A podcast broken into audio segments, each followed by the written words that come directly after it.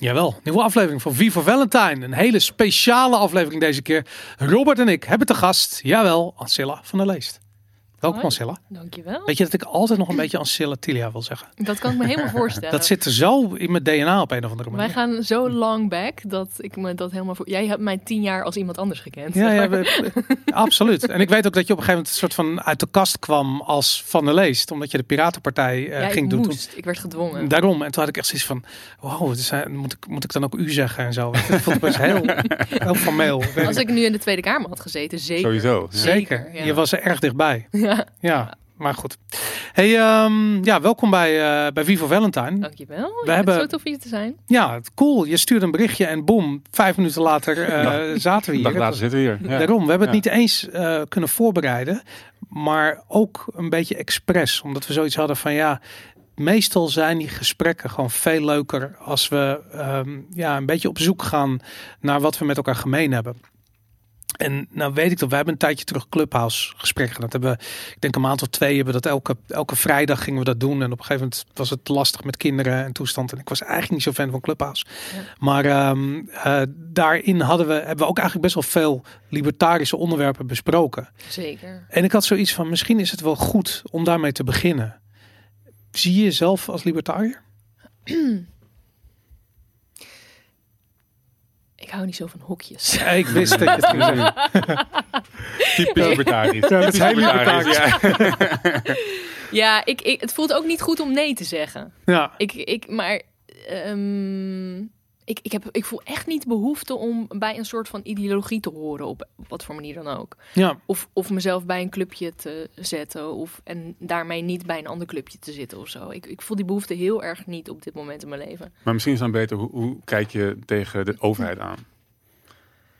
Is het nuttig? Hebben we het nodig? Hoe groot moet het zijn? Hoe klein moet het zijn? Ja, precies dat. Ik denk dat het op lokaal niveau heel logisch is en heel nuttig kan zijn. En op de manier waarop het nu helemaal uit de klauwen loopt, is, het, eh, is het gewoon een ramp. Hmm. Het is gewoon een ramp. En ehm, gewoon überhaupt het feit dat wij dan een soort van geregeerd worden door een Rutte, waarvan wij letterlijk niks weten. We weten niks van die man, om maar iemand te noemen. Hè? Mhm. Laat staan de EU, laat staan de World Health Organization of de World Economic Forum. Je weet niks van die mensen. En ze kunnen met alles wegkomen, want je kan ze niet accountable houden. Ik bedoel, ze lopen niet naast je op straat en als, als ze echt uit de bocht vliegen, dan map je ze op hun bek of zo. Zo werkt het niet.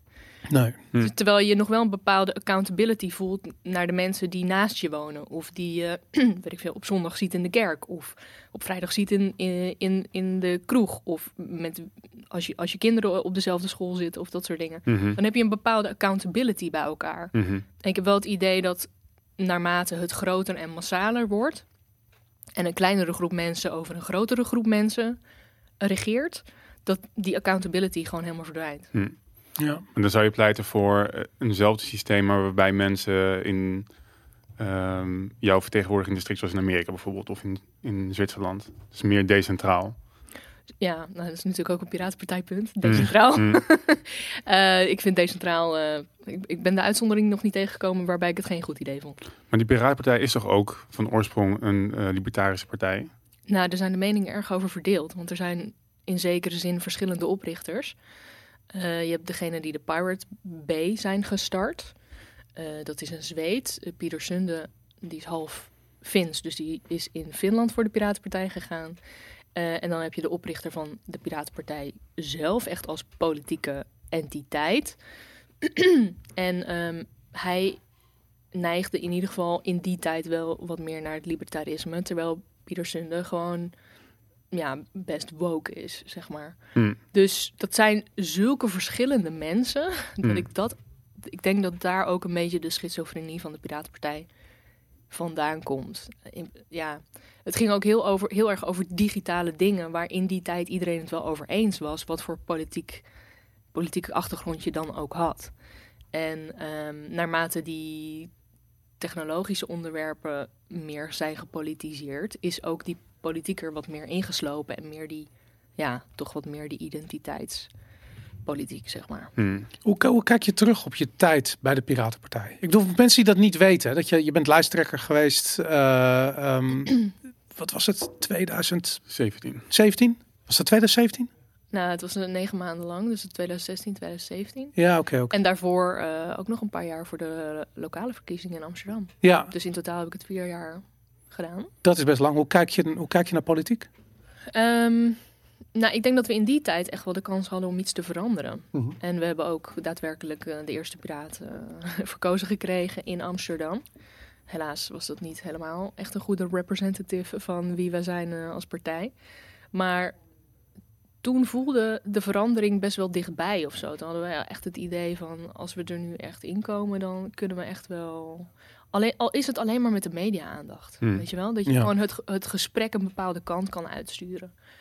En ehm, nou, inmiddels denk ik dat je die politiek gewoon niet meer inkomt. En als ik ook zie hoe het, hoe het mediaspelletje nu wordt gespeeld. Ik moet ook zeggen, ik heb een heel groot verschil gemerkt tussen de, tussen de lokale verkiezingen in Amsterdam. Mhm. En vervolgens het, het landelijke politieke mediaspel. Ja, Daar zat een wereld van verschil tussen. ja. En bij de lokale Amsterdamse verkiezingen werd ik, eh, waren journalisten nog best wel oprecht geïnteresseerd. Mhm. En bij de landelijke verkiezingen voelde je echt de weerstand, weet je wel? Voelde je gewoon de framing en de leugens Mm. en de uitsluiting en gewoon echt de manipulatie van het mediaspel. Dus dat, dat was een heel groot verschil. En dat was natuurlijk ook wel een eye-opener. Ik was daarvoor ook al niet al te positief over de media, maar daarna al helemaal niet meer. Ehm, en ja, hoe kijk ik erop terug? Ik heb er waanzinnig veel van geleerd. En ik moet eerlijk zeggen dat ik daar ook op die manier zo inging. Van oké, ik weet niet of we het gaan redden. Maar ik ga er in ieder geval een heleboel van leren. Hmm. Nou, die kan ik aftikken. Hmm. Ja, nou, dat snap ik inderdaad. Ja. Ik vind wat ik zo fascinerend vind aan de Piratenpartij, dat was toen al zo, is dat je hebt, je hebt een hele technocratische kant bij die gasten. En dat is, sluit natuurlijk heel erg aan bij de soort van digitale repressie ehm, die we opgaan. Kijk, een, een goed voorbeeld vind ik, ben groot fan van Rob Gongrap altijd geweest. Hij is de oprichter van Access for All en het, daarvoor de digitale stad volgens mij. Is echt een van die legendarische hackers. En ik heb echt, nou, ik, misschien wel misschien is dat wel twintig jaar geleden, een keertje met Daan de Wit een interview met hem gedaan. En het ging over stemcomputers. En toen was hij al soort van, ja, dat, dat gaat helemaal verkeerd. Die zitten zo makkelijk te hacken. En hij liet zien hoe dat moet. En ik dacht van, ja, hij heeft toen ook gezegd van, is het nou werkelijk zo moeilijk om je voor te stellen dat we een hele soort van infrastructuur uitrollen voor digitale dictatuur, dat er op een gegeven moment een overheid zit die daar misbruik van gaat maken. En ik was hem, ja, ik weet niet waarom, maar ik had hem, ik volgde hem niet op Twitter en ik was hem laatst gaan volgen en ik kreeg me toch een zootje pro-vaccin, pro-corona toestand over me heen. En ik had gezien van wat is er aan de hand met die oldschool hackers die de problemen goed konden verwoorden en konden signaleren en techniek wilden inzetten om juist de individuele vrijheid te bevorderen. Die zijn allemaal soort van volledig doorgestaan. Ik herken ze niet meer terug. Ja, ik heb dat ook. Ik Hoe- heb dat ook bij een aantal hele prominente mensen dat ik er echt van schrik. Hoe komt dat? Ja, ik heb er wel ideeën over, maar ik moet eerlijk zeggen dat ik ze nog nooit heb uitgesproken. Dus ik moet even gaan Wil je ze eerst nadenken even bellen dit- voordat je dat... ik moet even gaan nadenken hoe ik dit formuleer. Ik denk dat het wel mensen zijn die op een bepaalde manier de wetenschap aanbidden. Ja, technocraten. Ja, ik zou eh, een Rob grijpen om maar iemand te Maar het is niet echte wetenschap. Het is natuurlijk scientism. Het is, het is, wetenschap bestaat niet in een vorm van dat er een absolute waarheid is. Het is een vorm van de hele tijd ondervragen, Vragen vraag stellen. en, en twijfelen aan wat ken ik, wat zie ik, wat meet ik, wat voel ik, weet ik veel. Ik bedoel, daar moet je aan twijfelen. Ja. En ik zie dat niet. Ik zie een soort van het wordt, het is scientism geworden. ja, maar jij, jij weet dit. Jij ziet dit. Jij hebt het idee van scientism heb jij helder als concept in jouw hoofd. Mhm. Ik denk dat deze mensen geen idee hebben wat dit is. Ja, Zij denken gewoon, je hebt science en je hebt religiekkies. ja, Dat, dat is het, weet je wel? Want zij, ik, ik ken ook mensen die uit een heel een christelijke omgeving komen. En je ziet een beetje de- de- dat afzetten daartegen, weet je wel? Van ja, we, we, we, los ons, eh, we rukken ons los uit het juk van, van de kerk. Mhm. En het antwoord daarop is natuurlijk science. ja, ja, ja. En dan Hmm. heb je met hele nieuwe pri- priesters te maken. eh, een Neil deGrasse Tyson of eh, dat soort figuren, weet je wel, die jou aangereikt worden door de media als een soort van nieuwe messiah, messiahs of zo. Ehm, maar als jij nog zo vast zit aan het denkbeeld van we zijn ons net aan het losrukken uit de kerk en, en onze rebellie is science, dan besef je misschien niet dat we inmiddels alweer een stap verder zijn. Ja, dat het treurig is dat mensen dus de hele tijd die patronen volgen. Dus dat, ze, dat, ze, dat werd ook gezegd altijd van, van complotdenkers. Van die, als je uit een streng religieuze opvoeding komt, ben je geneigd om die opvoeding op een gegeven moment overboord te gooien. Je hebt geen zin, je schopt tegen je opvoeding. Om vervolgens een soort van een of andere krankzinnige lizardtheorie aan te gaan hangen. En dat soort van in de plaats van, die, van dat godbeeld wat je hebt meegekregen te plaatsen. En dan en je, je blijft over met hetzelfde probleem. Je niet, niet vrij kunt zijn en niet zelfstandig kunt denken. Ja, dat zie je eigenlijk constant inderdaad. Dat we, dat we helden zoeken, dat we saviors zoeken, dat we goeroes zoeken. eh, dat soort dingen. Dus je ziet ook heel veel mensen opstaan die een soort van goeroe-rol aannemen. Ja, Die hele goede dingen zeggen, die hele goede ideeën aanreiken, waar jij dan vervolgens verder op kan borduren. En dan zie ik gewoon dat massa's mensen dat misinterpreteren als: oh, ik ga nu elk woord wat deze persoon zegt, ga ik aanbidden en voor waar aannemen. ja, En als semi-celebrity heb ik dat zelf ook meegemaakt. Dat als, als mensen een soort van fan van jou zijn of jou helemaal volgen of zo. En dan zeg je één ding waar ze het dan niet mee eens zijn. Dan stort soort van hun hele wereldbeeld in of zo. Dan wordt ze heel boos of heel verdrietig. Terwijl, ja, ik ben ook maar gewoon een mens die hardop denkt. En met goeroes, kijk, er zijn natuurlijk bepaalde types tussen die daar echt misbruik van maken. En die ook graag willen dat mensen hen blind volgen. Mhm. Maar er zijn ook gewoon heel veel mensen die ja, een positie van wijsheid innemen. En, ehm, en, en daarmee ideeën aanreiken. Die ja. eh, voor de rest, als je het, op het moment dat je het personaliseert van deze persoon eh, is de verlossing of zo, ja, dan, dan ga je al snel de mist in. En dan ligt de, teleurstelling natuurlijk om de hoek te kijken. Ja, hey, en eh, was dat bij de Piratenpartij, is dat een issue geworden op een gegeven moment? Ik kan me voorstellen dat je aan de ene kant, eh, als je scientism en, en technocratie aanhangt, aan de andere kant ja, vecht voor persoonlijke vrijheid. Ehm, en juist het gevaar ziet, we- weet je, jij bent heel erg eh, actief als, eh, als privacy ad- advocate, als het ware. Ehm, maar ook gedreven natuurlijk vanuit het problemen zien met, het, met een technocratisch systeem wat opgebouwd wordt ik, ergens, ik- vroeger leek het zo logisch dat iemand die heel goed is in de techniek en heel goed kan problemen, ook de problemen ziet daarvan. En dat is mede door corona en de discussies die ik zie, volledig weg bij mij. Ik heb gewoon echt het idee van, het lijkt wel hoe technischer mensen zijn, hoe minder ze begrijpen wat er in de wereld speelt. Ja, ja ik denk ook.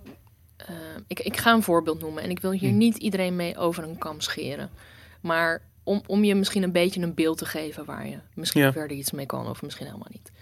Maar veel van die mensen die graag heel veel bezig zijn met computers, Mhm. die voelen zich niet zo heel comfortabel met mensen. Ja, Dat zijn ook vaak mensen die niet zo heel erg in touch zijn met, eh, met hun lichaam. Soms zitten ze op het autisme spectrum. Eh, daar komen, komen soms ook lichamelijke klachten bij kijken. Eh, nou ja, je kent ze wel, een beetje de Soylent types, Ja. zeg maar. Van eten, ja, waarom zou je het doen? Weet je wel, als je ook kan gamen of Ja, zo. een, Ja. shake, een shake is toch ook goed? ja, als je ook kan coden, weet je wel. Waarom zou je dan eh, tijd verspillen aan eten? Dus die, die liefde, die zelfliefde voor, voor zichzelf en voor een eigen lichaam en voor de medemens, zit er misschien niet helemaal van nature ingebakken. Ja. Nou, vervolgens heb je ook zoiets, daar geloof ik heel erg in, in intuïtie en eh, resonantie en frequentie en ja, gewoon vibes, zeg maar. Laat ik het Mhm. zo zeggen. Vibes. Je voelt aan of, of iets klopt of niet. Ja, Tenminste, ik heb dat heel erg. Ik heb dat extreem. Als ik. eh, ja, ik heb het gewoon heel vaak dat ik gewoon mensen zie liegen. Of als mensen niet oprecht zijn of zo. Dan komt het bij mij heel hard aan. Want ik, ik zie het gewoon aan alles. ja, Ik kan dat niet, niet zien of zo.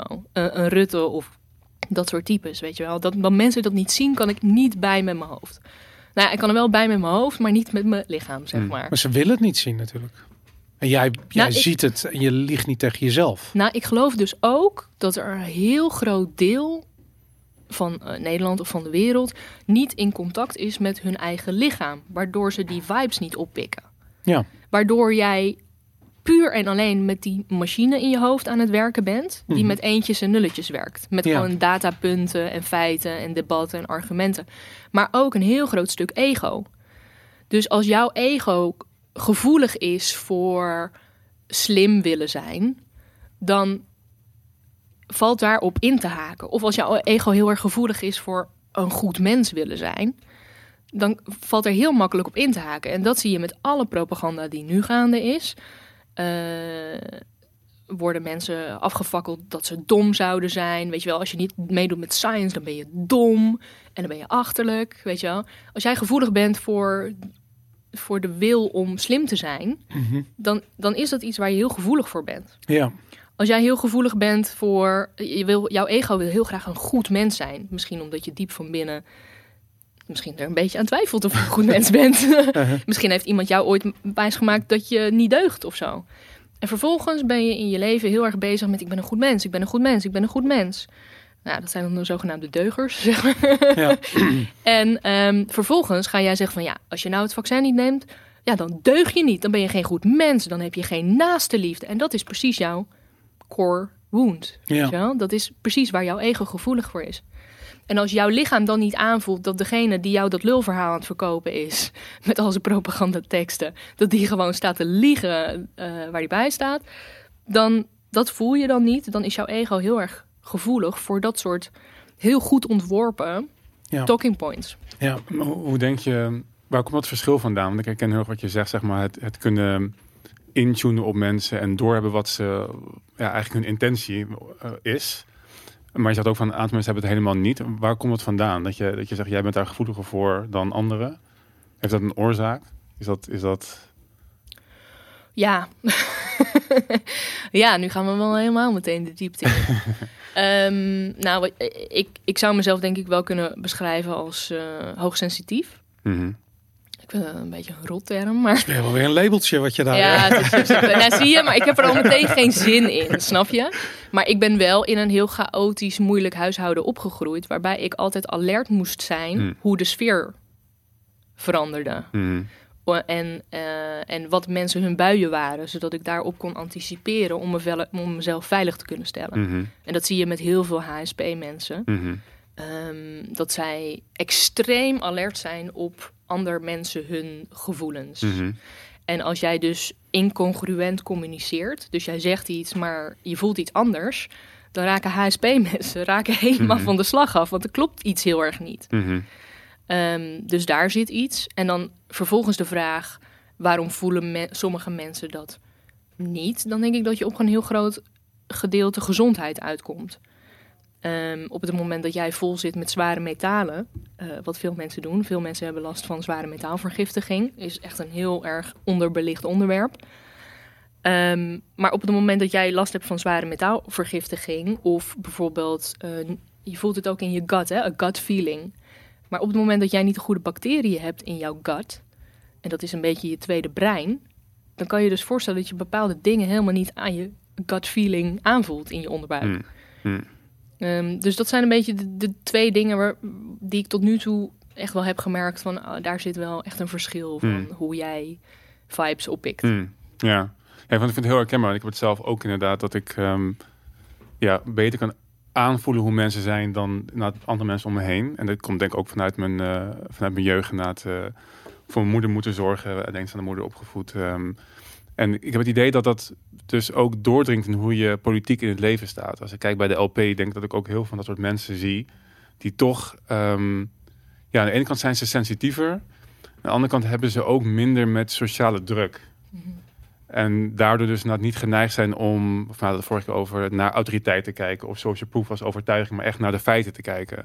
Ik vind het heel interessant, ehm, ja, ik weet niet. Maar wat, wat is de gemene deler tussen die mensen? Nou ja, ik vraag me dus af of daar dus iets ehm, in je jeugd aan vooraf is gegaan, dat je dus anders naar de wereld kijkt en anders naar mensen kijkt, Ja. waardoor je dus ook een andere politieke opvatting meekrijgt of aandurft te nemen eigenlijk. Nou, waarom ik dat zo interessant vind. Op het moment dat ik vader werd, had ik zoiets van: nou, het is allemaal leuk en aardig wat ik ben geworden, of wat dan ook. Of dat nou wel of niet is wie ik wilde zijn, of wat dan ook. Het is wat het is. Maar ik heb nu zoiets van: ja, ik wil dat mijn kinderen een bepaald soort eh, kernwaarden meekrijgen.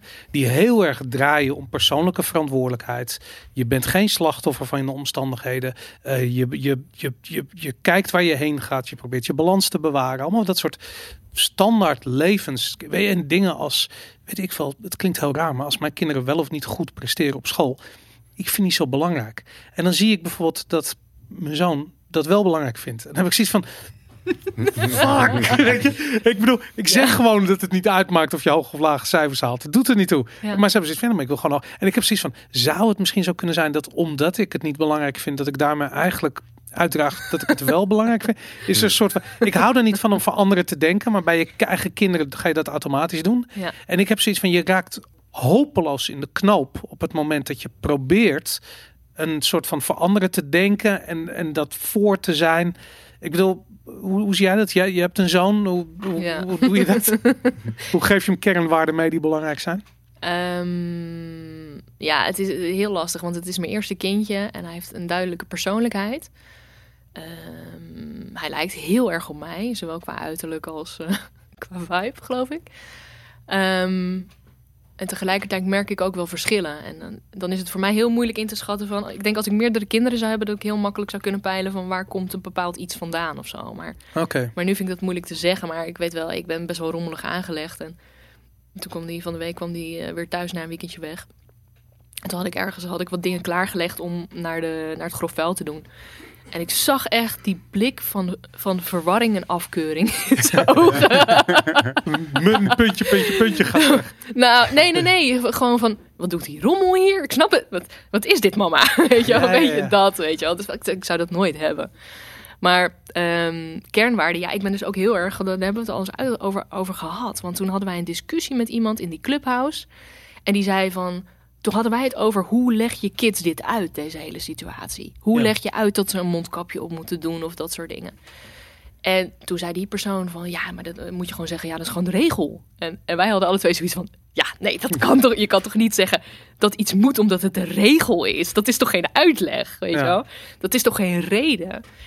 En ehm, dus ik merk dat ook wel heel erg met mijn relatie met mijn zoontje, van dat ik hem altijd heel erg aan het uitleggen ben waarom iets. En als dan iemand anders langskomt en die zegt, ja, je bent een kind, dus het moet gewoon zo. Mm. Ja. Oh, daar ga ik helemaal slecht op. Ja, ik ben, ik ben blij dat mijn kinderen dat dus ook niet trekken. Dat hebben ze wel meegekregen. Dat als iemand zegt, inclusief ik hoor, dat iets moet gebeuren, dan gebeurt het niet. Hm. En dat, eh, dat is vervelend als een camera moet, kamer moeten opruimen. Maar het is fantastisch als je kijkt hoe ze in het leven staan. Hm. Dus Ja. ik heb zoiets van, oké, er is een prijs die je moet betalen. Maar ik ben het daar wel heel erg mee eens vanuit. En dat, dat vind ik heel erg leuk. En dat is namelijk wat mij persoonlijk eh, aantrok in het idee van... Ik ben eigenlijk ik ben pas veel later bewust geworden van het feit dat hoe ik in het leven stond... dat dat overeenkomt met hoe libertariërs naar dingen kijken. En dat komt omdat het, het draait allemaal om eigen verantwoordelijkheid. Een persoonlijke verantwoordelijkheid voor de omstandigheden waarin je eh, eh, verkeert. En als jij, weet ik veel, als je dit wil, dan, dan, dan doe je dat zelf. Maar je gaat niet zitten wachten tot iemand het voor je doet. Ja. En ehm, ik, ik vind namelijk als het om opvoeding gaat, vind ik het ontzettend belangrijk om onvoorwaardelijkheid te introduceren. Omdat ik, ik merk namelijk dat in de maatschappij voorwaardelijkheid constant een rol speelt. En met voorwaardelijkheid bedoel ik van eh, eh, als ouder moet de liefde naar je kind moet onvoorwaardelijk zijn. En het kind moet blind op die liefde kunnen vertrouwen. Want als jij bijvoorbeeld zegt van nou, ik hou pas van je als je je bord leeg eet. En het hoeft niet zo hard hè. Het kan best wel zijn van nog een hapje voor mama en nog een hapje voor papa. Mm. Weet je, die ouderwetse shit. Ja. Dat is ook voorwaardelijkheid. Omdat je dus eigenlijk zegt van ja, maar je doet dit niet voor jezelf. Je doet het voor mama, je doet het voor papa. Ja. Zo van, tada, weet je, Ja. wat, wat die artsen zeggen over dat vaccin. Je doet het nog een, nog een prikje voor, Mm. voor mama, nog Ja. een prikje voor oma Oh, en opa. Het is exact die shit. Ja. En ik zie iedereen voor, die, voor, die, voor dat narratief vallen, omdat ze niet begrijpen wat voorwaardelijkheid is. Dus die tool, kijk, het, het, het stomme is met, met kinderen, hij gaat, gaat hier een heel ding, uh, beer, Mm. beerput open, maar drie generaties terug werden kinderen die niet luisterden gewoon fysiek geslagen.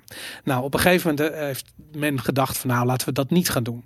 Toen zijn ze niet opgehouden met geweld toepassen. Het geweld is gewoon niet fysiek geworden, het is psychologisch geworden.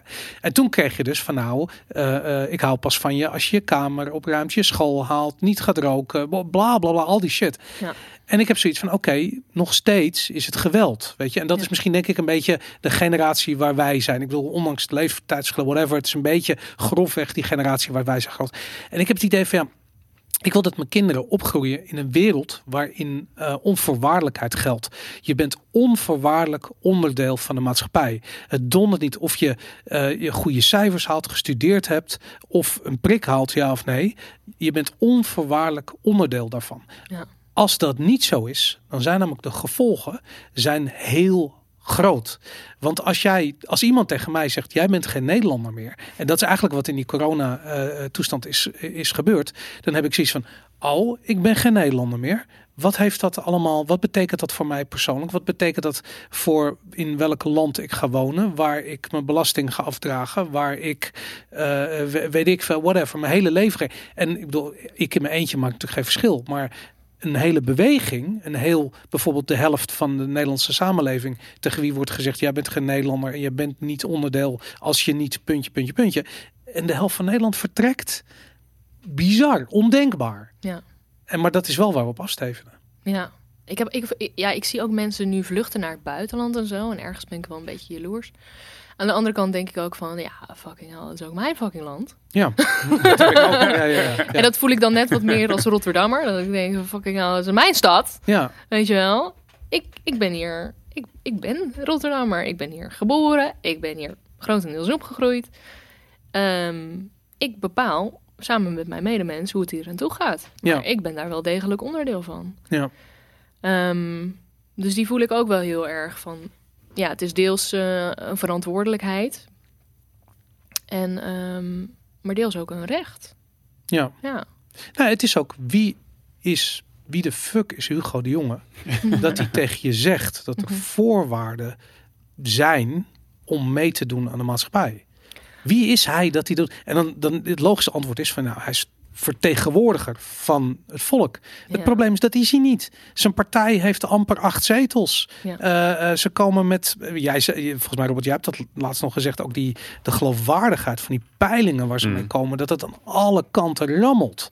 En dat, dat weet je, als dat, dan komt het niet but weer met 70% van de maatregelen tegen ongevaccineerden. Bullshit. Ja. Het is gewoon, het is gerommeld met de vraagstelling. Ik, le ik, lees het ook. Ik denk, dit is echt je rijstond. Het is gewoon niet waar. Ik zie het niet om me heen. Het is niet wat mensen denken. Uh, het, het, is, het, kom op. Bullshit. Nee, vraagstelling inderdaad. Je weet hoe die polls gaan, weet je wel. Ja. Altijd suggestief en uh, ja, goed. Hoe gaan we hier uitkomen dan? Nou, wij zijn twee ex-lijsttrekkers. Dus wij, wij, hebben de politiek dat verlaten. Maar wij moeten nu alle antwoorden hebben. Even ik bouw even de brug voor jullie. Ja. Want, wat, want wat hebben wij beide geleerd als lijsttrekker? Um, wat hebben we geleerd als lijsttrekker? Ja, nou, dat het inderdaad, voor mij schets je het net, net al heel goed, dat het een... Um, ja, ik, weet niet, ik weet niet, ik heb niet ervaren dat het een ondoordringbaar systeem is. Maar je moet inderdaad wel um, heel veel massa natuurlijk creëren om ergens te kunnen komen. En ik denk, nou, Boris kwam het idee, nu iets langer een jaar geleden, van we moeten een podcast gaan, uh, gaan maken. En daar massa mee creëren, een community mee opbouwen. En ik denk dat, wat we al vaker noemen, is dat je die sanctuaries of sanity moet gaan creëren waar mensen zich thuis voelen en niet denken dat ze gek worden. Hmm. Want ik merk dat ik, ik weet niet hoe jij dat ziet, maar dat mijn omgeving is redelijk zelf. Ik heb een goede bubbel, zeg maar. Mensen denken zoals ik denk, politiek gezien. En het zit misschien in de marge wat verschil. Maar ik hoor heel veel mensen, ook in de comments van de, van de podcast, die gewoon voor het eerst erachter komen dat mensen anders denken dan wat je op de mainstream media, zeg maar, hoort. Mhm. En ik denk dat dat ja, ik geloof dat, dat de mensheid, menselijkheid niet zo lang onder druk kan blijven. Dus als je met elkaar uh, een community opbouwt en elkaar steunt, dat, dat gaat groeien. Uiteindelijk, dat systeem gaat klappen en we moeten ervoor zorgen dat op het moment dat het klapt, dat wij weten wat er voor in de plaats moet komen. En dat is niet de Great Reset van het World Economic Forum, maar dat is onze maatschappij, decentraal, met eigen verantwoordelijkheid en uh, ja. maximale vrijheid. Ja, en ook een stukje onderling vertrouwen. Hè? Dat je elkaar ook een beetje kent. En meer, meer menselijkheid sowieso. Ja, ja. ja, precies. Maar ik bedoel, de podcast verandert de wereld niet. Ik snap wel dat het een klein beetje kan bijdragen aan de verandering van het narratief. Nou, nog even over die podcast inderdaad. Want jij zegt van, nou, ik heb niet het idee dat het een ondoordringbaar systeem is. Want je mm. hebt massa nodig. Nou, Hoe mm. krijg je massa? Door middel van media. Mm-hmm. Maar ik denk wel dat de podcast een beetje de last resort is van massamedia. Mm ja, maar dat is nu de last result. Maar je ziet dat die instituties gewoon aan het afbrokkelen zijn. Dus de media heeft nu nog wel hun macht. Maar ik denk niet dat dat... Ja, hoe lang gaat het nog door? Hoe lang gaat de, de macht van de kranten en de tv Ja, maar dan, Niet, het is al weg. Ja. Het is heel selectief. Maar is nu heb je dus de macht van Facebook en de macht van Twitter en de Mhm. macht van YouTube. En dat is iets dus waar je in de tijd dat, dat ik in ieder geval lijsttrekker was, kon je daar nog wat mee? Dat is nu weg. Ja, maar er is wel een Ja. heel belangrijk verschil. En dat zie je bijvoorbeeld bij Joe Rogan zie je dat heel goed. Die is groot geworden dankzij YouTube. Ja. Maar hij is groot geworden. Ja. En niet YouTube. Ja. Tuurlijk heeft hij bijgedragen aan het succes van YouTube. Maar nu die weg is bij YouTube, doet het er nog toe. Hij heeft nog steeds miljoenen luisteraars. Ze volgen hem. En ik denk dat dat interessant is. Dat je op een gegeven moment toch, toch decentralisatie ziet. Mhm. Weet je, als je eh, eh, soort van als wappie bij de NPO aankomt, word je gewoon niet aangenomen. Punt uit, klaar. Je mag er niet eens zitten. En anders heb je zes mensen tegenover je die je gaan vertellen dat je niet goed bij je hoofd bent. Maar in wezen zie je dat, het, dat we toch toegaan naar een maatschappij waarin die sanctuaries of sanity gevormd worden door mensen die anders denken. Ja. En die, die dus mensen om zich heen gaan groeperen die ook anders denken. En dat wordt, er worden er steeds meer. Dat is gewoon een, een olievlek. Ja, en, het is een shift inderdaad van, ik hoorde gisteren de uitspraak governed media, dus inderdaad de, de mainstream media naar social media. En daar heb je nu weer die repressie, dus daar zie je nu ook weer dat men daarvan weggaat. En nou ja, ik, ik gebruik echt denk pas een half jaar Telegram redelijk intensief, even los van hoe goed dat is. Maar er, zit, er, er zitten, je ziet dat heel veel communicatie nu gewoon in dat soort groepen plaatsvindt, in plaats Ja. van via Twitter of Facebook. En ik, dat is ook alweer een stap weg van die instituties. En ik denk dat het, ja, dat, dat gaat wel door. En een podcast is, ja, ik weet niet of het een last resort is. Ik denk dat het, een, dat het tegenwoordig een heel machtig medium is, waarbij je ook vooral in de diepte heel veel mensen kunt eh, bereiken. Ik vind het van Willem Muddock ook altijd mooi dat hij zegt, ja, als ik bij At Your Z zit, dan word ik eh, één of twee keer in de week aangesproken op straat. Maar ben ik bij een podcast eh, aanwezig, dan is het wel 10 tot, 10 tot 15 Ja, keer. ja, natuurlijk. Dus zeg maar, de, de, in, de impact lijkt veel groter en dat groeit alleen maar. Dus ik denk, ja, ik denk inderdaad, je, je eigen eh, community en medium opzetten is, kan denk ik heel groot zijn. Een, heel, Ja. een hele grote invloed zijn. Maar toch, dat hele, wat je nu zegt, is wel een belangrijk punt. Van nou ja, groepen zoals Telegram en zo. Met Telegram, het feit dat nu iedereen naar Telegram gaat, en ik doe er net zo hard aan mee hoor. Maar is wel echt een probleem. Want je weet dat het onderdeel is van World Economic Forum. Mhm. En je weet dat op een dag gaat de knop om en dan ben je de lul. Ja, weten mensen dat? Het is onderdeel inderdaad van het WEF. Dat, eh, die, die, hoe heet die Pavel, die oprichter toch? Ja. ja, ja. Dat wist ik niet. Nee, nou, nieuw hier, voor mij. Oké, nee ja. Telegram is niet een safe haven of een eh, wat dan ook. En Signal wel? Daar, daar zijn ook grote twijfels bij. Ja. Er is een, eh, er is een mooi decentraal eh, alternatief. Maar dat betekent dat iedereen moet soort van servertjes gaan installeren thuis om dat te draaien. Dus dat, Mastodon. nee, ja, Mastodon is ook een goed voorbeeld daarvan. Maar je hebt, je, ik ben even de naam kwijt. Maar je hebt het ook, eh, ehm, je hebt ook zoiets voor, voor Hm. messaging. Ja. Maar goed, ehm, Maar dat is dus wel de toekomst, want je hebt dat decentrale nodig. En tegelijkertijd ga je daarmee wel de massa kwijtraken. Want niet iedereen gaat daarin mee en niet iedereen kan dat. denk je dat die revolutie niet uiteindelijk, net als dat op een gegeven moment de revolutie online werd, weet je, dat werd een grote disruptie. En dan heb je daar bovenop heb je natuurlijk, weet ik veel, de disruptie in de media en onderwijs, in, in vervoer, in hotels. En dat hebben we allemaal gezien bovenop internet. En als nu de volgende stap is dat we naar een soort decentralisatie toe gaan van platformen en communicatie en betalingsverkeer en god weet wat allemaal, dan is uiteindelijk gaat iedereen mee in die revolutie. Ook al zijn er, weet je, mijn oma heeft nooit op internet gezeten bij wijze van spreken, maar had ze nog geleefd, dan was dat vroeger of later een keer gebeurd. Weet je, er is altijd wel een moment waarop je meegaat daarin. En dat, ehm, ja, dat kan toch ook met die decentrale revolutie plaatsvinden. Nou, we zijn echt nog ver daarvan verwijderd. Hoe Dat- ver denk je? 10, 15 jaar? Ja? 15 jaar? Voordat wat? Ehm, voordat die alternatieven gecreëerd zijn, die niet meer zo, eh, wat, wat, je, wat je net zei, governed, Governed media. governed media zijn. Mhm. Die niet, en dan is het social media, maar dan governed social, so- governed social media zijn. Mhm. Dus je hebt dat decentrale nodig. Maar het probleem is dat dat nu echt bij de verre vooruitzieners plaatsvindt, dat besef. En die zijn daar nu aan het werken. Maar wat je ook bijvoorbeeld bij de Piratenpartij zag, bijvoorbeeld het besef dat, daar dat encrypted mailen heel belangrijk is, is daar volop aan de gang. En, en zij gaan daar graag uren mee aan de slag eh, per dag om, om, de, om die systemen te installeren. En als het misgaat, om dan de handleiding erbij te pakken, en et cetera, et cetera. Maar het is geheel niet user-friendly. Ten Ja. eerste, mensen weten niet dat het bestaat. Dat begint nu te veranderen eindelijk, maar we zijn echt nog aan het begin. Mensen weten dat het, niet dat het bestaat. Als ze al weten dat het bestaat, is het compleet niet user-friendly en kom je er niet in je eentje uit. En, en als je die hurdle hebt overwonnen, nou dan hoop ik voor je dat je niet een fulltime baan en kinderen hebt. Want dan heb je gewoon geen tijd om daarmee te zitten kutten. Ja. Weet je wel? Dus, dus we zitten echt nog een paar stappen tussen. Waarbij er echt wat dingen nu ontwikkeld moeten gaan worden. Op korte termijn liefst. Ehm, die user-friendly zijn. Die een beetje UX-design fatsoenlijk in elkaar hebben zitten. En ook waarbij de hardware klopt. Want dat, dat probleem hebben we ook nog steeds niet overwonnen. En dat is ook waar jij en ik altijd een beetje botsen over de bitcoin. Hm.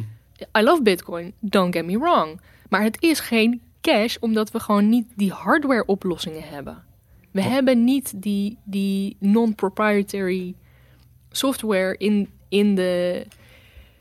Snap je wat ik bedoel? Nee. je zit Nee, echt zo heel laat aan het kijken. Wat is niet goed aan bitcoin? Ja. Het is juist al die... te- maar het ligt niet aan bitcoin. Ik Het ben het niet- met je eens, maar die, maar die ontwikkeling... Maar jouw bitcoin staat op jouw iPhone. Om maar wat te noemen, hè? En dan kan je met me gaan zitten kibbelen over details.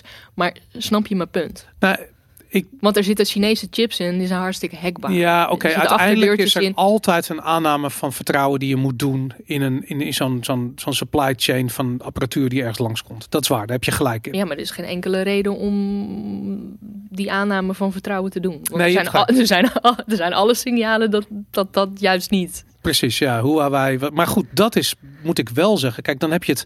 Als je het hebt over informatieverspreiding via hardware. Als die informatie gewoon fatsoenlijk eh, voorzien is van encryptie.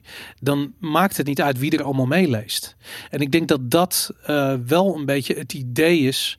eh, van Bitcoin. En ik ben het met je eens dat je op het moment dat jij een PC gebruikt, dan laten we even zeggen of die PC nou gehackt is, of dat daar hardware in zit waar iemand mee kan kijken of wat dan ook, of automatisch eh seed words, de private keys doorstuurt, whatever.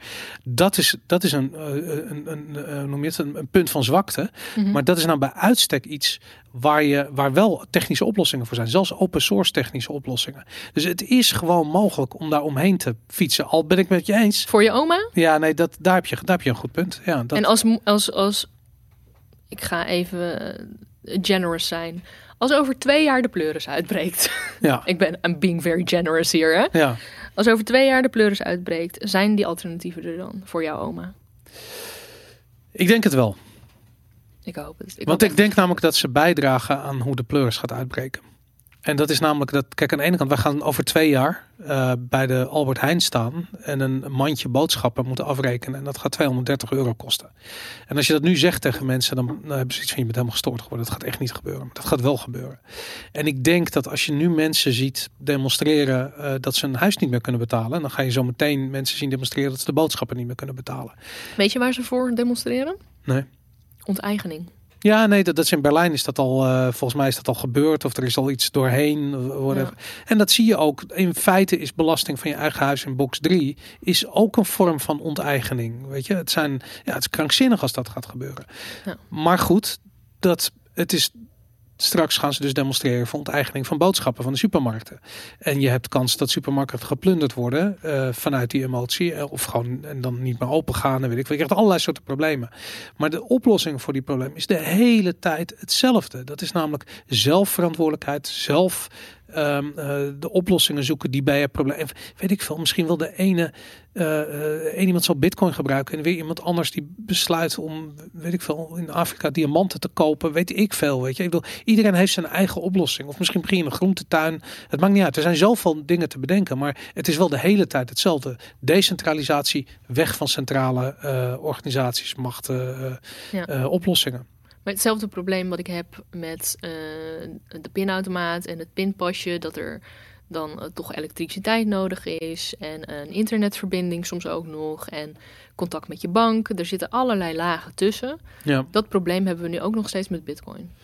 Ja, maar goed, ik moet je wel zeggen, als de elektriciteit wegvalt, dan hebben we grotere problemen dan het feit dat je niet meer bitcoin kan internet. uitgeven. Ja. Ja. Hebben we echt grotere problemen dan? Want als me, eh, grote massa's mensen geen eten meer kunnen komen, kopen, is dat, Ja, dat gaat, dat gaat dan gebeuren, ja. is, dat, is best wel een probleem. ja. Maar dat gaat ook gebeuren als gewoon de elektriciteit wegvalt. Ik bedoel, Ja, niet, niet voor vijf uur. Dus de, jij zegt als de elektriciteit wegvalt, hebben we grotere problemen. Dan, dan, dan je bitcoin niet kunnen uitgeven. Dus dan krijgen we Nou, dat soort nee, dan, problemen. nee, ja, dan is geen, e- geen eten kunnen kopen is wel de top of your problems, denk ik. Ja, behalve dat als de elektriciteit wegvalt, kan de rolluik van de Albert Heijn niet meer open, bij wijze van spreken. Dus kun je, zelfs al heb je bitcoin, kun je niet meer naar binnen. Dus de, de problemen zijn groter als de elektriciteit wegvalt dan alleen je bitcoin. Mhm. Je hebt, je hebt de hele soort van samenleving gaat in elkaar klappen als dat, als dat zou gebeuren. En mijn- mijn punt daarmee is te zeggen van het is zeer onwaarschijnlijk dat de elektriciteit en het internet voorgoed Nee, uitvalt. Nee, maar Bitcoin. verschillende lagen, want elektriciteit is er één van. Ja. Weet je wel? Maar dan heb je dus ook nog inderdaad eh, nou ja, een internetverbinding of eh, ja, ik wil dan niet zeggen toestemming van je bank, maar nu hebben ook steeds meer mensen hun bitcoin staan op een, plat, op een platform. Ja. Of hoe zeg je dat? Op een, Exchange. Ja, op ik- een exchange die Mhm. gewoon ook jouw toestemming moet geven, weet je. Ja, nou, ik, laat ik zo zeggen, ik, ik ben er niet op uit per se om Bitcoin in een soort van post-apocalyptische wereld te verdedigen. Of zo. Nee, ik bedoel, het bedrijf ook helemaal ik. blikjes tonijn en, en, en, en, en een vuurwapen zijn genoeg dan, denk ik. Of tenminste, het eerste wat je nodig hebt. En Bitcoin, eh, weet ik niet, het komt heel veel later nog. Ja, maar, maar, maar je punt was van het moment dat elektriciteit uitvalt in internet, dan is alles gewoon crap. Zeg maar, je oplossing hoeft niet zo redundant te zijn dat het ook dat moet kunnen weerstaan. Want dan ben je net bezig met eten zoeken. En maar het, het ironische dat Bitcoin dat in principe ook nog kan Ja. overleven. Alleen inderdaad, mijn oma die gaat niet snappen hoe je, weet ik veel, een, een, een transactie kunt doen zonder, eh, ehm, eh, zonder elektriciteit en zonder Ja. het versturen van iets via internet. Dat, eh, maar wat wel kan overigens. Maar goed. Ja, we kwamen hierbij omdat we met de oplossing bezig waren. Ja. Zeiden we massa, uiteindelijk is de oplossing dan eh, toch een zekere eh, vorm van massa bereiken en daar een soort safe haven voor creëren. ja, of En toen was mijn antwoord, nou ja, dan is denk ik podcast the last resort, omdat dat dus redelijk afhankelijk, onafhankelijk kan zijn van al die tech-problemen en al die Hm. eh, alleenheerschappij die eh, in social media speelt. Denk je dat het groot genoeg is om op een gegeven moment een daadwerkelijk. Ik bedoel, ik geloof dat het groot genoeg is om een zetel in de Tweede Kamer te hebben. Misschien twee, misschien drie. Maar uiteindelijk de beweging die op gang moet worden gebracht, die gaat ervoor zorgen dat je 10, Mhm. 20, 30 zetels haalt. Ja. Ehm, ik, toevallig in die peiling zag ik dat de Partij voor de Dieren ehm 10 zetels had in die Mhm. peiling. En ik had echt zoiets van, Ja. wat is daar eigenlijk gebeurd? Weet je, ik bedoel, sinds Marianne Thieme weg is, volg ik het niet echt meer. En ik was vroeger, ik heb erop gestemd. Ik vond het echt fantastisch wat ze deden. Ja. Maar het was altijd twee zetels. Misschien deed ze heel goed een keertje drie. Dat was het dan wel. Ja. Tien zetels? Wat de Mm. fuck? Wat gebeurt daar? Mm. Weet je? Hoe, hoe komt het dat zoiets zo vertraagd op gang komt? En dan, Ik, Ja. heb, ik heb de vraag ook wel op een andere manier gesteld bij de, bij de Partij van de Dieren. Van wat is hier gebeurd? Dat Ja. zij opeens van hun kernwaarden. is dat zo? Zijn ze daar, wat ik zei, ik volg het niet meer. Is, zijn ze daarvan afgestapt? Nou, op een gegeven moment zag ik wel wat dingen gebeuren. Ik weet niet meer precies wat het was, maar rondom de coronadiscussie. Dat ik dacht, wie de fuck zijn jullie? Maar, dat is natuurlijk wel bij alle partijen. Ter verdediging van. De, ik bedoel, we hebben zelfs Wilders voor lockdowns eh, horen Thierry pleiten. ook, ja. Ook, terwijl we nu het tegenovergestelde zien. Weet je, Mhm. ik bedoel, Nee, nee, maar dit was kort geleden. oh ja? Ja. Dat ze nog meestemmen met lockdown of met, met, met Als je naar hun stemgedrag krijgt, kijkt, dan komen er hele rare dingen uit. Ja, bizar is dat. heb ik Ja. met omzicht ook. Ik snap er ook helemaal niks van. Hoe kan je nou... Ik heb... Ja, maar goed, misschien is er iedereen ook gewoon letterlijk in de war. Hm. Ja, ik denk wel, want ik heb wel gemerkt in die tijd dan dat ik lijsttrekker was en dan die vier jaar dat je gewoon heen en weer hopt van politici naar media en van media naar politici, dat je al echt wel in een bubbel terechtkomt. Dus ik kan mij geheel voorstellen als jij lange uren maakt als Tweede Kamerlid en het enige wat jij de hele dag doet is met media praten en met andere politici, dat jij totaal geïsoleerd en ik bedoel, je hebt niet het idee dat je geïsoleerd raakt, want je spreekt heel veel mensen, Mhm. maar dat je ideologisch geïsoleerd raakt. Ja, Kan ik me helemaal voorstellen. ja. Misschien wel mooi nog over die, ehm, die nieuwe platformen waar je het over had. Dat je daar de massa niet mee kan bereiken. Misschien is dat wel juist de oplossing. Misschien is het probleem nu dat er platforms zijn waarmee je zoveel mensen kan bereiken. Dat je gewoon inderdaad deze massa psychose kan bewerkstelligen. En met dat iedereen daarvan afstapt van social media naar inderdaad kleinere appgroepen of zo. Dat je dus inderdaad eh, geen massa bereik meer hebt. Maar dus ook niet eh, die eenheidsworst de hele tijd krijgt. Dus misschien dat de oplossing niet eens ligt in nou, massa bereiken zolang dat kan. Op het moment dat het niet meer kan, dan is het probleem volgens mij opgelost. Want dan heb je gewoon een, ja, dan kunnen, kunnen de, de, de van deze wereld ook niet meer hun invloed uitoefenen via social media. Nou, dat vind ik echt een hele interessante theorie waar ik nog wel over na ga denken. Hm. Dat zou zomaar kunnen. ja. Wat, wat ben je nu allemaal aan het doen? Ik werk nu voor Blackbox. Als, eh, nou ja, ik doe longform interviews. En, eh, Je hebt er één gehad nu of twee? Want ik heb die met Paul Buiting gezien, maar er is er Nog één of niet? Of was dat je eerste? Ik heb die met Paul Buiting gezien. Is die al gepubliceerd? Ik dacht het wel. Nee, dat kan niet. Nee? maar die heb je al weken geleden opgenomen. Nee, nee, nee. nee. Ik, heb- er zijn nu twee online. Eentje is met Marleen Sticker, ben ik heel erg trots op. Zij is eh, was ook een onderdeel van de digitale stad. Echt een van de voorlopers op gebied van, eh, van, het, van het internet in Nederland. Mhm. En ehm, zij was ook een zomergast, dus ze zitten best wel heel erg in dat mainstream wereldje. Dus ik ben echt heel trots en heel vereerd dat ze bij mij aan tafel eh, is komen zitten. Ja. Eh, naast het feit dat ze altijd super interessante dingen zegt.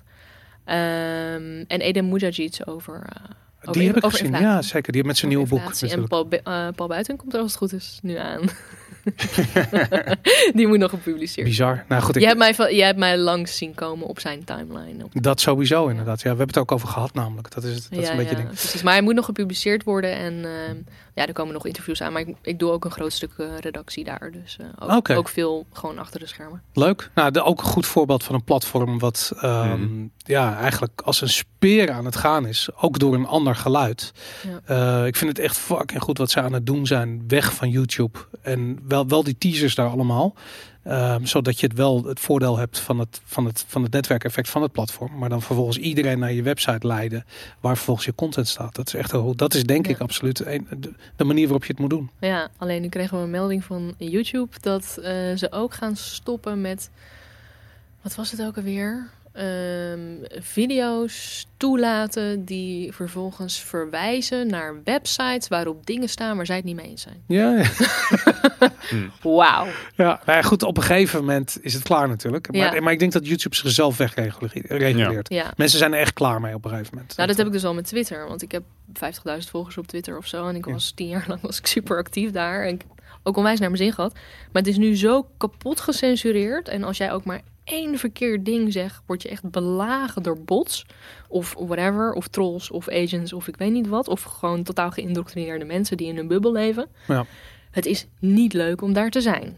Ja. En je leert er ook niks nieuws meer van. Ik bedoel, het is allemaal een beetje een eenheidsworst. Hoe zit dat daar? Want die Jack Dorsey heeft nu wel twee keer iets getweet waarbij hij een soort van schijn geeft tegen dit soort ingrijpen te zijn. Hij had laatst van mij een tweet over inflatie. Dat hij daar. eh, ja, hij zei inflation is here. Hyperinflation is here, heeft hij Ja. gezegd. Hij heeft 6 miljoen volgers. Dat is nogal wat om te Ja. roepen, weet je. Dat, eh, absoluut. Maar hij heeft gezegd dat hij bezig is met een decentraal, eh, decentraal platform, een soort Twitter-platform. Maar hij heeft ook gezegd, ik ben misschien wel de CEO van Twitter, maar hij zinspeelde erop van, ik heb niet zo heel veel meer te zeggen. mm, mm. En hij heeft zelfs gezinspeeld op het feit dat eh, Amerikaanse geheime diensten gewoon geëmbed zijn bij al die grote platformen. Dus ook bij Twitter, dus ook bij Facebook en ook bij YouTube. Maar dat we, hoe, hoe, hoe, hoe kan het dat we dat nog niet weten of zo? Of, ik bedoel, dat weten we toch? Omdat het Hoe- niet in de krant staat.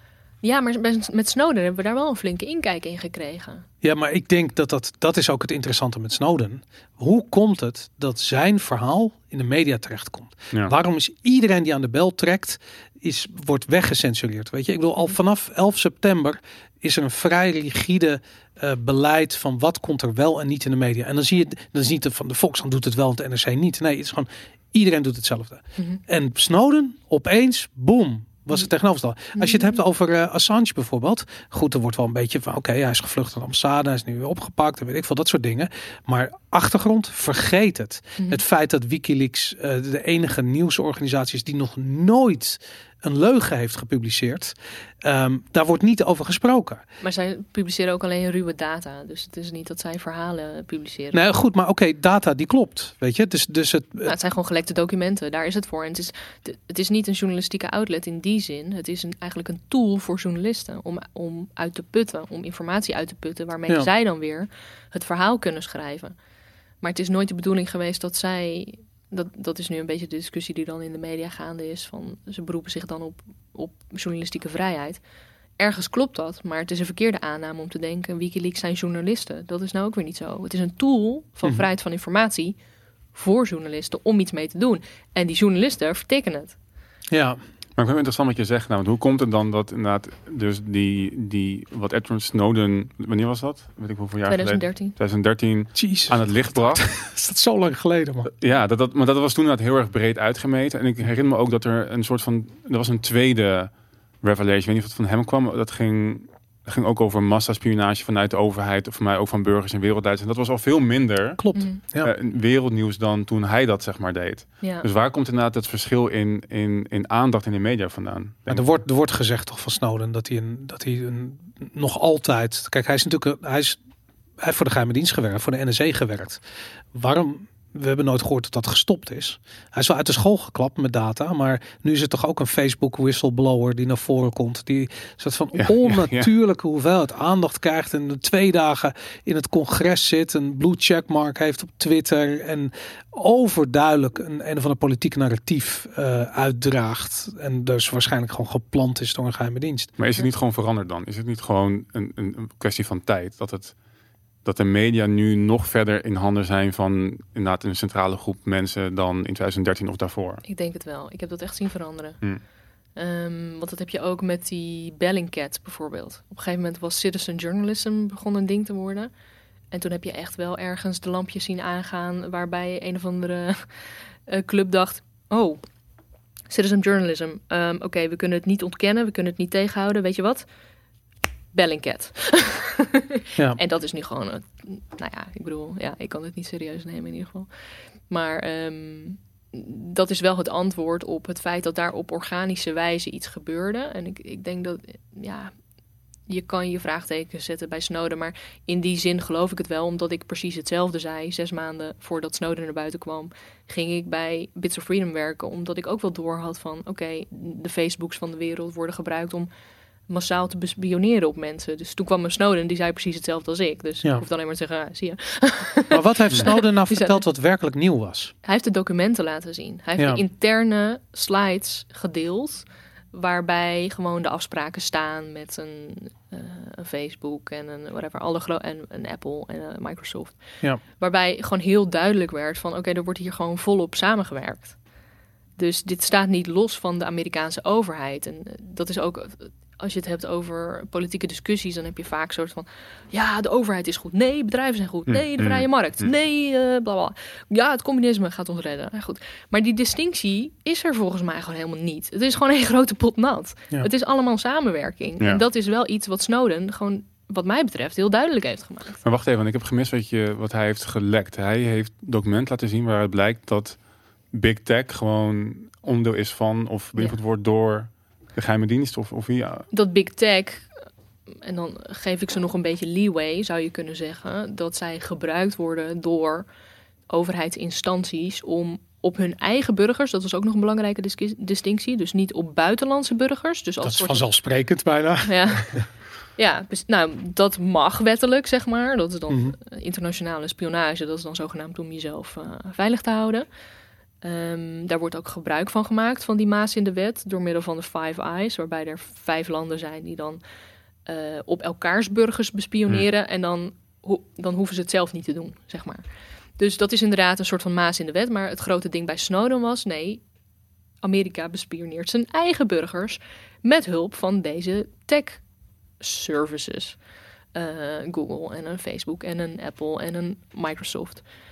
En dat is iets waar al- Amerikanen wel echt allergisch voor zijn. Want dat gaat zoveel grenzen over. En ik wil dan nog een stapje verder gaan. Dat ik toch wel hele serieuze geluiden heb gehoord. Ik heb heel veel gewerkt in, in ehm, nou ja, dicht bij Silicon Valley in LA eh, en in San Francisco als model.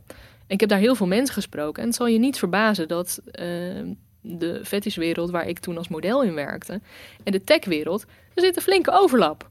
Daar lopen gewoon dezelfde mensen rond, kan ik je vertellen. Dus ik heb daar een aantal hele interessante eh, mensen gesproken die hoog in de boom zitten bij die techbedrijven. Waarbij het eigenlijk gewoon common knowledge is dat een aantal van die grote techbedrijven gewoon ook gestart zijn door de geheime diensten. Hmm. Dus Dat het is wordt van Facebook wordt dat letterlijk gezegd, toch? precies. Ja. Hmm. Ja. Daarom vind ik het zo interessant wat er nu aan de hand is. Dat Facebook onder druk gezet wordt. Wat te maken heeft met hun soort van digital currency project. Waarbij de Amerikaanse Senaat hun niet vertrouwt. En ze zijn natuurlijk al een keer teruggefloten. En nu hebben ze dan weer een nieuw, nieuw voorstel gedaan. En hop, gelijk krijg je weer de whistleblower en weet ik veel.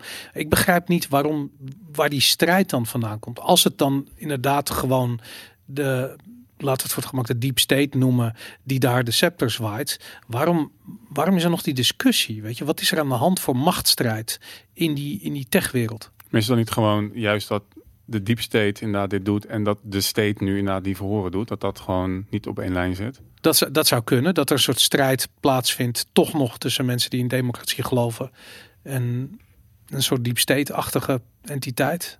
Ja, ik denk wel dat een Zuckerberg in, in zekere zin een poppetje is. Net zoals wij een Rutte hebben. Mhm. Het is gewoon een mannetje die is naar voren geschoven. Hij, hij- weet je, hij zal vast ook wel zijn eigen dingen doen. Maar ehm, ik geloof niet dat, dat Facebook draait op een Zuckerberg. Nee. Weet je wel? Het is groter dan dat. Het is echt groter dan dat.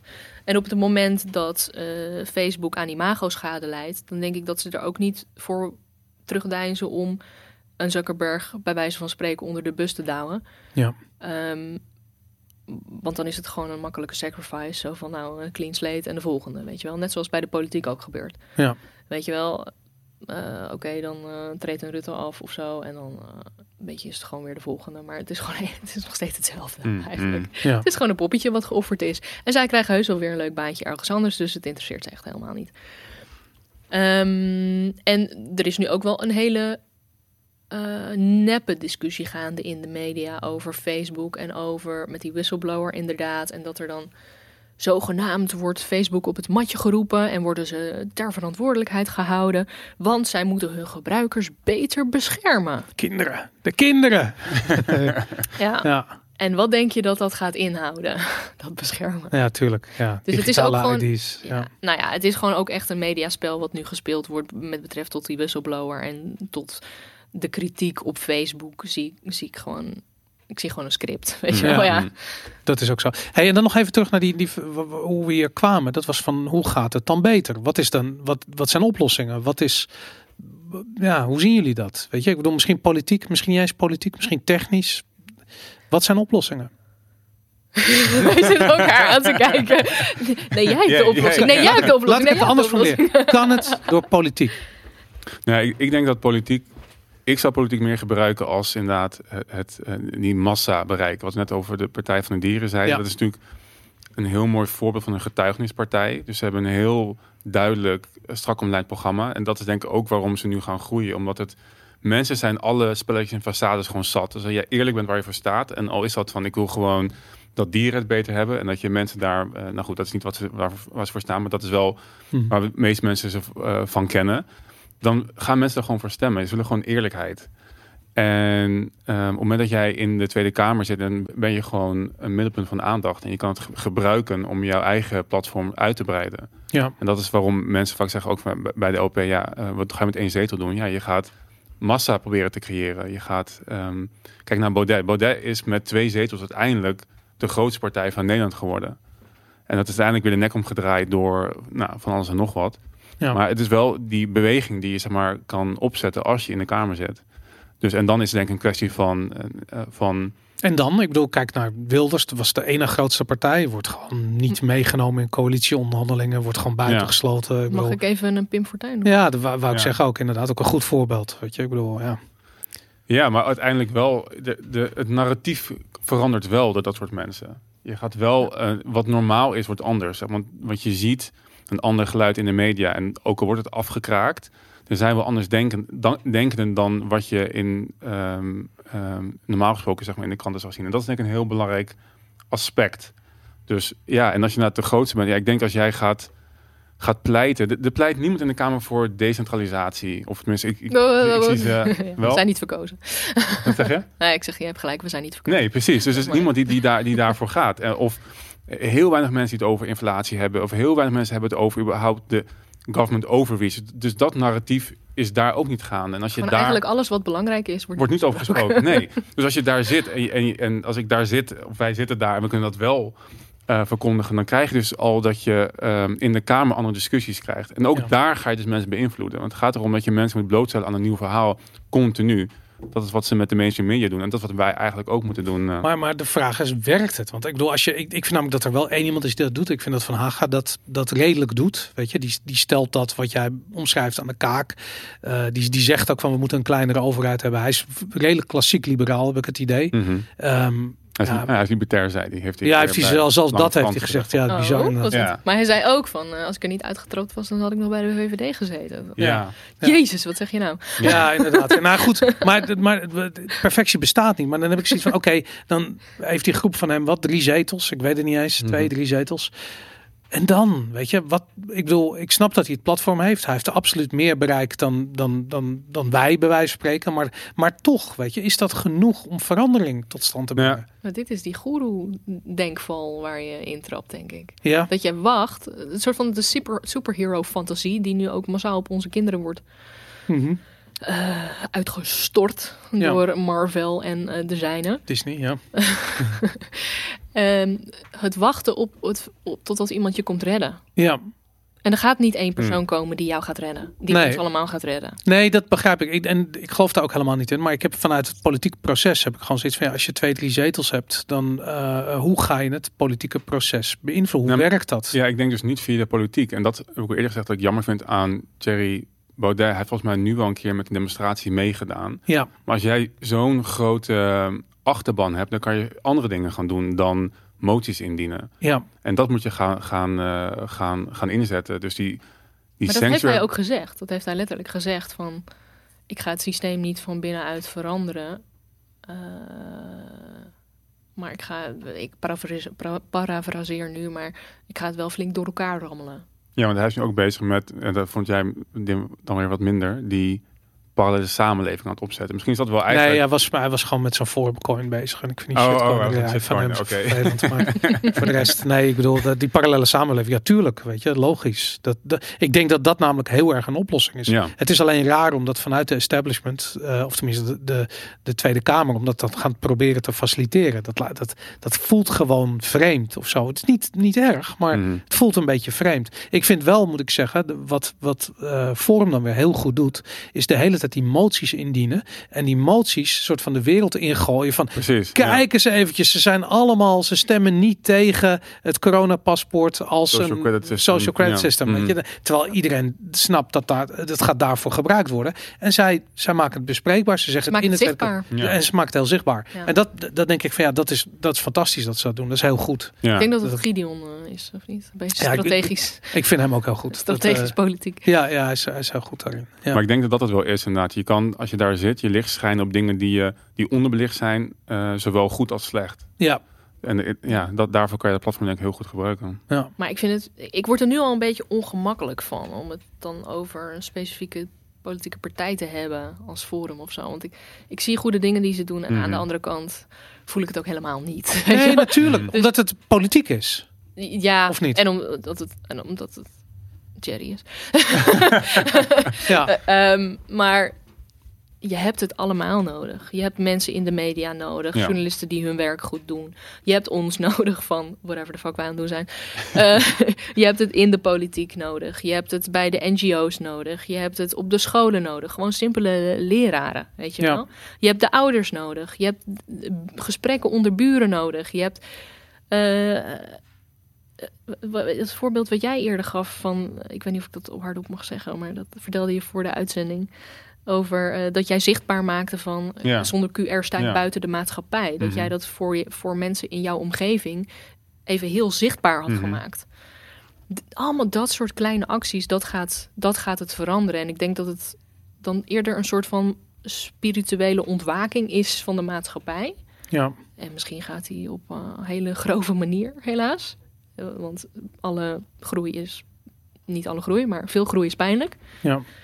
Ehm, eh, maar dat is wel wat er gaat gebeuren. We gaan met z'n allen eh, moeten beseffen dat er inderdaad niemand ons komt redden. Weet Ja. je wel? Dat, dat als jij panisch angstig in het leven staat, dat het niet gaat helpen dat iemand anders platgespoten wordt. Ja. Weet je wel? Dat je dan met jezelf aan de slag moet. Ja. Die eigen verantwoordelijkheid toch Hmm. wel, inderdaad weer. Ja. Maar dat, dat, is een, dat is een massaal spiritueel Hmm. shift eigenlijk die er moet gebeuren. En dat, dat gaat niet vanuit de politiek komen. Ik bedoel, de politiek kan daar een onderdeel van zijn. Liefst, graag. Maar, weet je, het, het, dat, het gaat niet eh, vallen of staan bij de politiek. Ik vind het heel interessant dat je het op die manier verwoordt eigenlijk. Vooral omdat het, het proces van wakker worden is wel degelijk ingezet. Ik zie het echt ik zie het heel erg veel. En natuurlijk zit ik in een bubbel. En, en ja, het is logisch dat ik het zie, omdat ik die mensen om me heen heb. Maar ik denk ook daarbuiten gebeurt het. Weet je, ook van mensen van wie ik het niet verwacht, die opeens naar me toe komen. Zo, ik heb je podcast geluisterd en uh, oh ja, interessant dit en dat. Ik vind dit ook, weet je. En dan hebben ze, weet ik veel, ze hebben al hun derde prik gehad en dit en dat. En toch opeens zijn ze ergens in dat halverwege zijn ze wakker geworden. En hebben ze iets van ja, maar wat klopt hier nou eigenlijk niet? En dan is het inderdaad, dan is het dat, weet je. Dan is het inderdaad dat van als je wil beginnen bij jezelf en je wil zelf verantwoordelijkheid nemen voor ongeacht wat, weet je, de, de, de opleiding van je kinderen of je eigen gezondheid of wat dan ook, dat dat begint bij jezelf. En dat is dat die appeal to authority, waar we het vorige keer over hadden. Als mensen zeggen van, maar ik ben een dokter, dus vertrouw je gezondheid maar aan mij toe. Dat, je zo, dat je een natuurlijke argwaan moet hebben van, maar wat heb jij daarvoor belang bij? Weet je, waarom zou jij mij beter willen maken? Wat gewoon, wat is je belang daarbij? Een soort van dankbaarheid? Ik weet het niet, weet je. Dat applaus in de zorg, dat, uh, dat is nu wel uitgedeeld, weet je. Waar zit het belang? Iemand zei laatst ook van applaus kan je niet eten. Nee, dat, uh, dat, uh, dat is wat we nu zien. En dat is wel het enige wat ze zo meteen te eten hebben, namelijk. Ja. Want dat, uh, dat, daar gaat het al heen. Ja, heel treurig. Ja.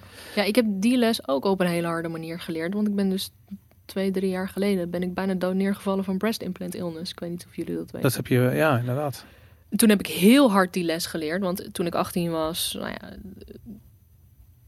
leek het me leuk om grotere borst te hebben. In ieder geval, er wordt, er wordt jou door mannen met een papiertje en witte jassen verteld dat het hartstikke veilig is.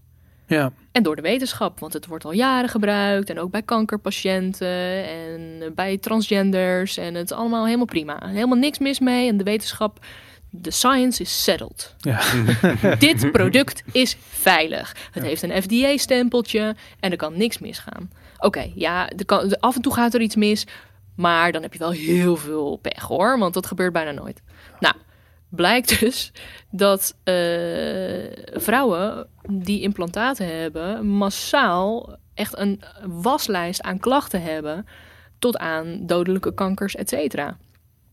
Um, en ook toen ik dus heel erg ziek begon te worden van die dingen, zonder, ik wist het niet, ik wist niet dat het dat was, maar ik wist wel dat mijn lijst aan klachten steeds langer begon te worden. En dus dat ik me steeds kutter begon te voelen en dat ik gewoon steeds minder überhaupt het leven aankon. Mm -hmm. En dat ging heel snel achteruit.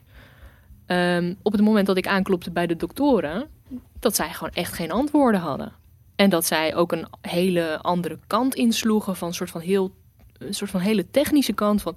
Ja, we doen gewoon bloedtestjes. Ja, komt niks uit. Ja, we doen gewoon een x-ray scan. Oh ja, nee, technisch gezien zit je prima in elkaar of zo. Ja. Het zou gewoon moeten werken. Oh, ja, het zou gewoon moeten werken. Wat elke programmeur tegen je zegt als je het niet werkt. Het zou gewoon moeten werken. ja, have you tried switching it on and off again? Dat, ja. ja. Nou, zover was ik wel bijna. Want op een gegeven moment als het leven gewoon heel erg zwaar wordt... dan begint de dood wel... Uh, en niemand heeft antwoorden voor jou. Dan, gaat het heel Hoe ben je erbij gekomen om dat soort van... Je hebt ze eruit laten halen, toch? Ja, zodra ik erachter kwam... Hoe ben je erachter gekomen? Ja, dat vind ik heel. Ik voel me vies als ik het zeg, maar Instagram. Oh, ja, ja, ja. nee, er was gewoon een meisje die had uh, een post daarover geplaatst. En zij heeft zelf niet eens implantaten, maar ze had gewoon gerepost van iemand. En uh, dat zijn plaatjes die gaan best wel veel rond op Instagram met de hele waslijst aan klachten die je kan hebben als jij lijdt aan breast implant illness. Ja. En ik had er echt nog nooit van gehoord. En ik heb voordat ik die implantaten heb genomen, heb ik me echt goed ingelezen. Hè? Ik heb echt mijn research gedaan. Ik wist precies wat voor soort implantaten ik wou doen, bij welke arts, met welke procedure, et cetera, et cetera. En ik ben in die 15 jaar dat ik ze had, ben ik nog nooit iets tegengekomen over breast implant illness. Maar goed, eerste keer dat ik ervan hoorde en ik zag die waslijst aan klachten voorbij komen, toen heeft het nog drie dagen geduurd voordat bij mij het kwartje was gevallen. Ja. En dat ik dacht, shit, dit is het. En je hebt ze eruit laten halen en toen was het probleem opgelost. Dus ja, ik werd wakker uit die operatie en ik had het voor het eerst in mijn hele volwassen leven had ik het niet meer koud. Hmm. Bizar. Ja. Ja. Ja. Fucking hell. Maar en had je voordat dat gebeurde vertrouwen in artsen en medische wereld?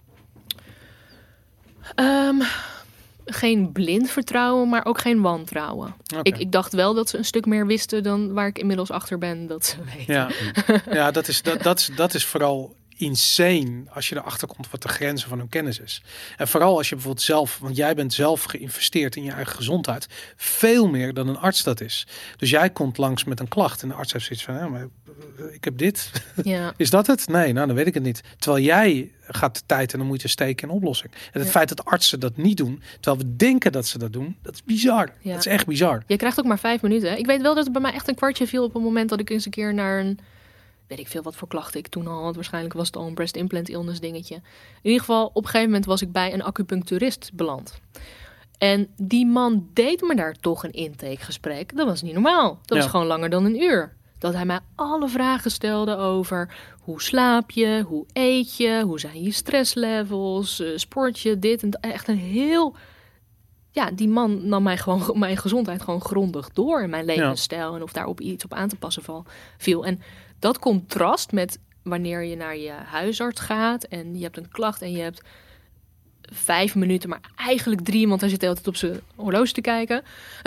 Ja. Ehm, en je mag maar één vraag stellen. En als je twee vragen hebt of anderhalve vraag, dan moet je een extra afspraak maken. Ja.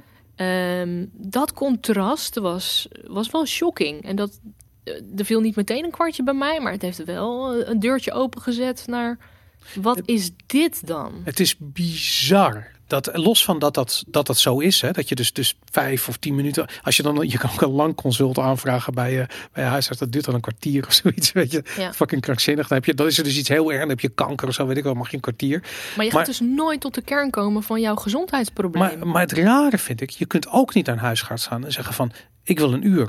En wat kost het? Ja. Kost het 300 euro? Kost het 500 euro? Weet je, whatever. Weet je, wat kost Mhm. het? Ja. Want als dat gebeurt, dan kun je, dan kan er tenminste een markt ontstaan. Maar die hele dienstverlening is er niet. Oh, En je vindt hem wel in het alternatieve circuit. De, de- die ervaring heb ik ook. Daar ben ik helemaal met je eens. Dat Ja. daar krijg je wel een uur lang een consult die helemaal gaat over van. Maar in, de- ik bedoel, ik zag laatst een post voorbij komen. Als je naar je arts gaat en die vraagt niet wat eet je, eh, hoe slaap je, hoe is je stress.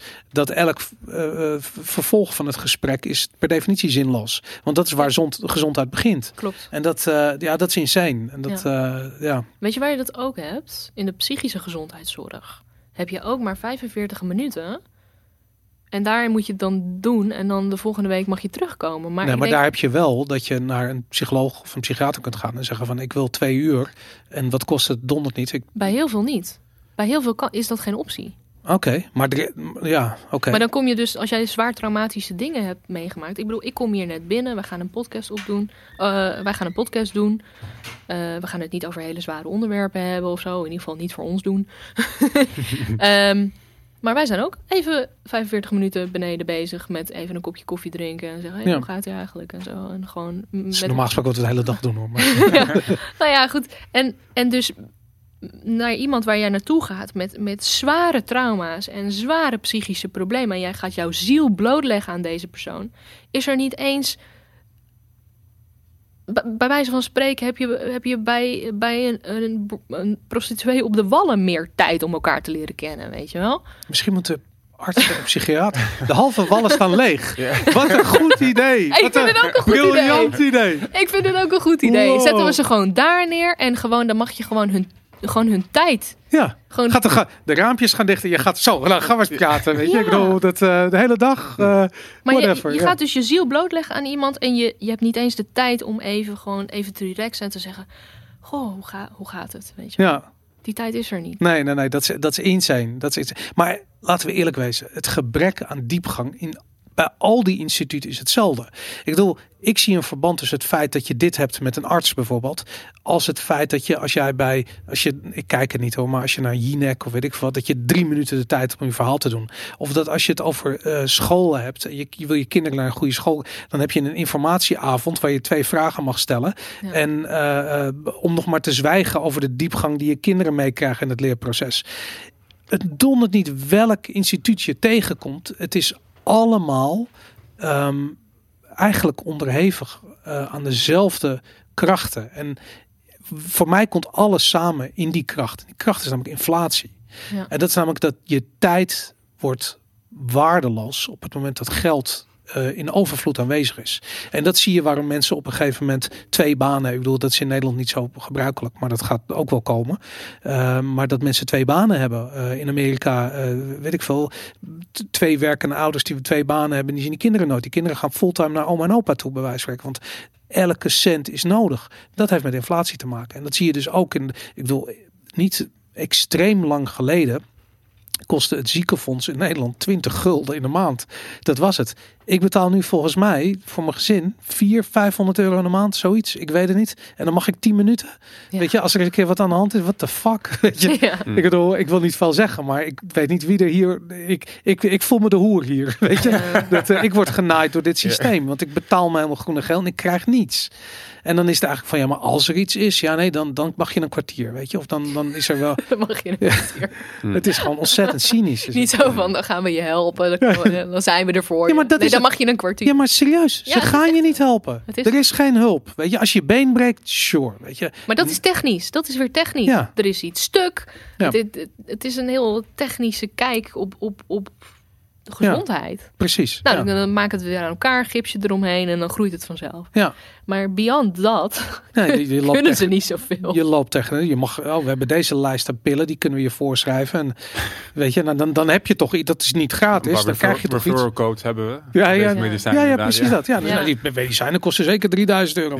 Nou goed, dan krijg je dat zijn dan- Daar betaal je dan voor. Ja, en dat zijn dan ook de, dat is dan een lijst symptomen. Dat is nog niet eens van wat is er nou eigenlijk mis met je waardoor je die symptomen hebt. Ja, Er worden nu ook steeds meer mensen gediagnosticeerd met auto-immuunziektes. Ja. Waarbij jou gewoon dan wordt verteld dat jouw lichaam je vijand is. Ja. Wat volgens mij Hmm. psychologisch Hmm. heel onverstandig is te- om tegen mensen te zeggen. Als jij Ja. gelooft dat jouw psychische gesteldheid invloed heeft op ho- hoe jouw lichaam zich gedraagt. En daar genoeg wetenschappelijk bewijs is daarvoor. Ja. Op het moment dat een man in een witte jas met die appeal to authority zegt tegen jou: ja, jouw lichaam is je grootste vijand. Hm, vraag Ja. me af of je daar beter van wordt. ja, dat is krankzinnig. Dat is echt bizar. Ja. nou, ik vind het, wat ik heel erg tof vind, is dat we alle kanten op gaan. Ja, dat, eh, dat vind ik echt heel Ja. tof. Dat, eh, Weet jij jouw MBTI? eh, weet je? MBTI. Nee? Je persoonlijkheidstype Oh, in de Myers-Briggs. E-N-T-J. Echt waar? Ja, Een ENTJ? ja. Niet? Heel eventjes waar. Ik, ik weet waar je het over hebt, omdat je het ook aan mij hebt gevraagd. Maar- Nee, omdat, omdat je net zei, eh, we gaan alle kanten uit. Ik zeg, ja, zet twee ENFP's bij elkaar aan tafel en het is één grote chaos. Nee. Maar dus Ja. van vandaar dat ik even benieuwd Mm. was van wat, wat ben jij dan precies? Want ik weet dat jij geen ENFP bent. Maar een ENTJ had ik ook niet verwacht. Want je bent vrij introvert voor een extravert. Ja? dan. Maar het is een soort psychologisch. Het is een analyse van je Ja. psyche. Ja. Myers-Briggs. Mhm. Eh, type indicator. ja. Ja. Dus dan is het introvert versus extrovert. Eigenlijk al die letters gaan over hoe jij informatie tot jou neemt. Hm. Dus hoe jij de wereld ziet. Dus ehm, ja, het is een. ik kom graag een keer terug om het uit te Ja. Wat was ik ook alweer? Je- Jij bent een ENFP, net oh ja, ik. Oh ja, oké. ja. Dus eh, wij Dat is goed, toch? Zijn hele leuke mensen. Ik, oh, top. nou, je, je- ik weet niet of jullie nog hebben zitten opletten, maar je hebt het hier als eerste gehoord. We zijn hele leuke mensen. Ik denk dat we hierbij zijn aangekomen bij het, eh, bij het einde van deze Vivo Valentine. Ik Of, vond eh, het hartstikke eh, gezellig. nou, ik vond het ook tof. Zeker. Eh, ja, heel leuk. Hoop je snel nog een Ja. keer te zien hier. En ik heb ook weer wat food for thought eh, van jou eh, meegekregen waar ik over na ga denken. Nice. Over dat misschien de, inderdaad de decentralisatie en de weg, weg, de weg, weg van de massa misschien een mogelijk antwoord is. Hm. Nou goed, je hoort het hier eerst. Ik ben een ENTFP. Zoiets. Tot volgende week.